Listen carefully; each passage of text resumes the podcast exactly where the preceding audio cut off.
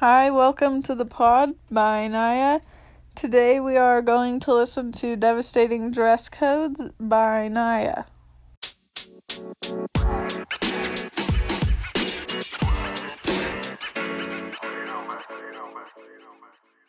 As stated in Fonsenberg's article, Enclothed Cognition Put on Your Power, enclothed cognition is a term describing the systematic influence that clothing has on the wearer's psychological influences. Everyone simply experiences this phenomenon without even thinking about it. For instance, when they take someone wearing glasses as being intelligent, assuming a person wearing darker clothing is sad or down, or judging a doctor as qualified and knowledgeable if they wear a stethoscope, scrubs, and a lab coat. As I lived in Hawaii, clothing was a huge part of one's identity and set a very strong initial judgment of a person. However, the inclusion of uniforms in the school I attended took this identity that comes with clothing away. Uniforms and dress codes should not be incorporated into public schools. Additionally, school dress codes and uniforms may prepare students for their futures past graduation. One is judged by their appearance exclusively when they go to a job interview or first date, so understanding social dress codes is very important, which can be learned through school dress codes. Adding uniforms and dress codes to schools can reduce part of the stress students have in high school. For teens, outfits play a huge role in social status and self esteem, referring back to the concept of enclothed cognition that connects one's appearance to their thoughts and emotions. School dress codes and uniforms are beneficial to school systems. They ensure a safer environment for students, similar to airport security, by heavily lowering the risks of bringing in firearms, knives, and other life threatening devices. According to Rosenberg in her article, The Columbine Massacre, she explains that Eric Harris and Dylan Klebold, the Columbine shooters, were wearing black trench coats to hide the weapons they were carrying and utility belts filled with ammunition during the tragic school shooting. However, uniforms take these emotional complications away by making getting ready in the morning a much simpler task. According to a survey conducted by The Telegraph, a British news outlet, as discussed in Lester's article, How Much Time Do You Spend Deciding What to Wear? Almost 2,500 women between the ages of 16 and 60 reported that on average they spend 14 to 16 minutes each day picking out an outfit, which equals 287 days in their lifetime, deciding what to wear. The inclusion of school dress codes in the school systems may benefit the lives of students and their school. Enforcing uniforms and dress codes in schools won't have the positive benefits it is implemented for. Uniforms should reduce stress in the morning, but they can increase unforeseen stresses like the cost and keeping them clean for a full week. Whirlpool, one of the most well known appliance brands, explained in their article, How Often Should You Wash Your Clothes? that after one to two wears, a blouse or shirt should be washed, while slacks after two to three wears should be washed, which can become very difficult for hectic and busy families, families with younger children, or families with multiple kids. Attire guidelines in educational environments can also take away from the focus of education. A classmate of mine wore a tight fitted dress and was sent home as a consequence, but the rule wasn't in the handbook.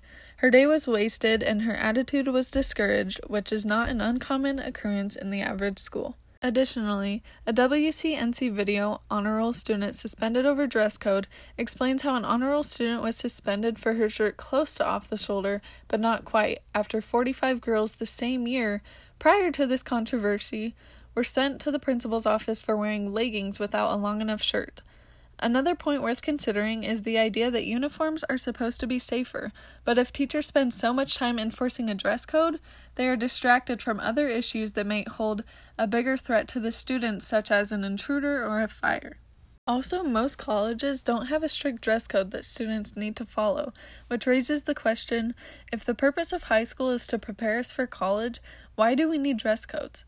Angel, in her video, College and Law School Dress Code, describes that the majority of people wore very comfortable clothing like sweats and simple t shirts to class, which wasn't a distraction or unsafe and didn't affect their learning, but this still isn't accepted in many schools.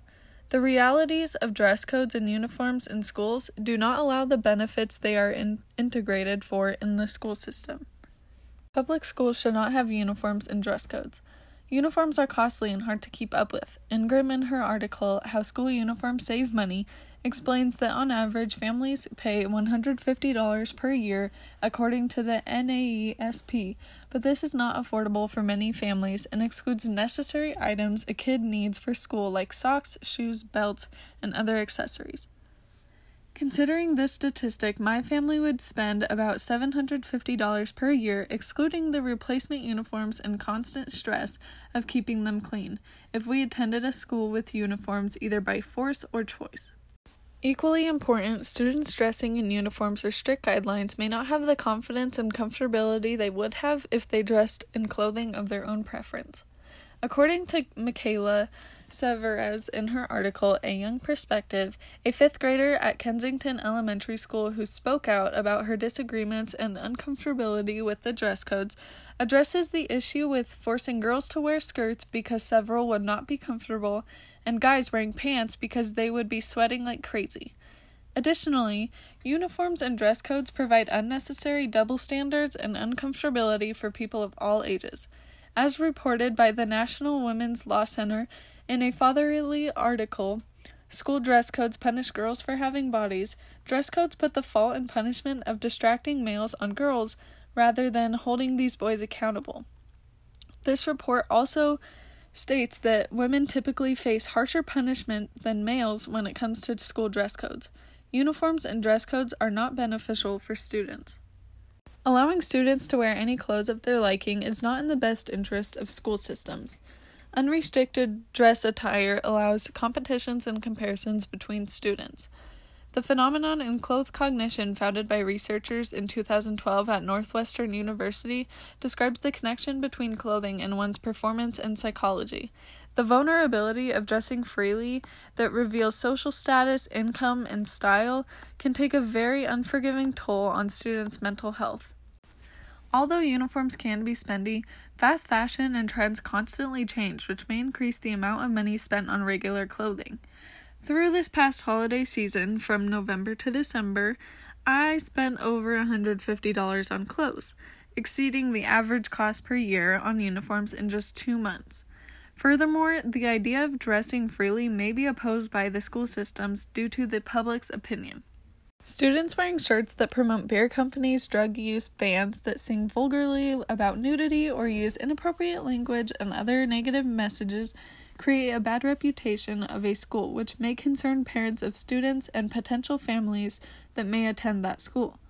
Unrestricted dress may not benefit students and school systems.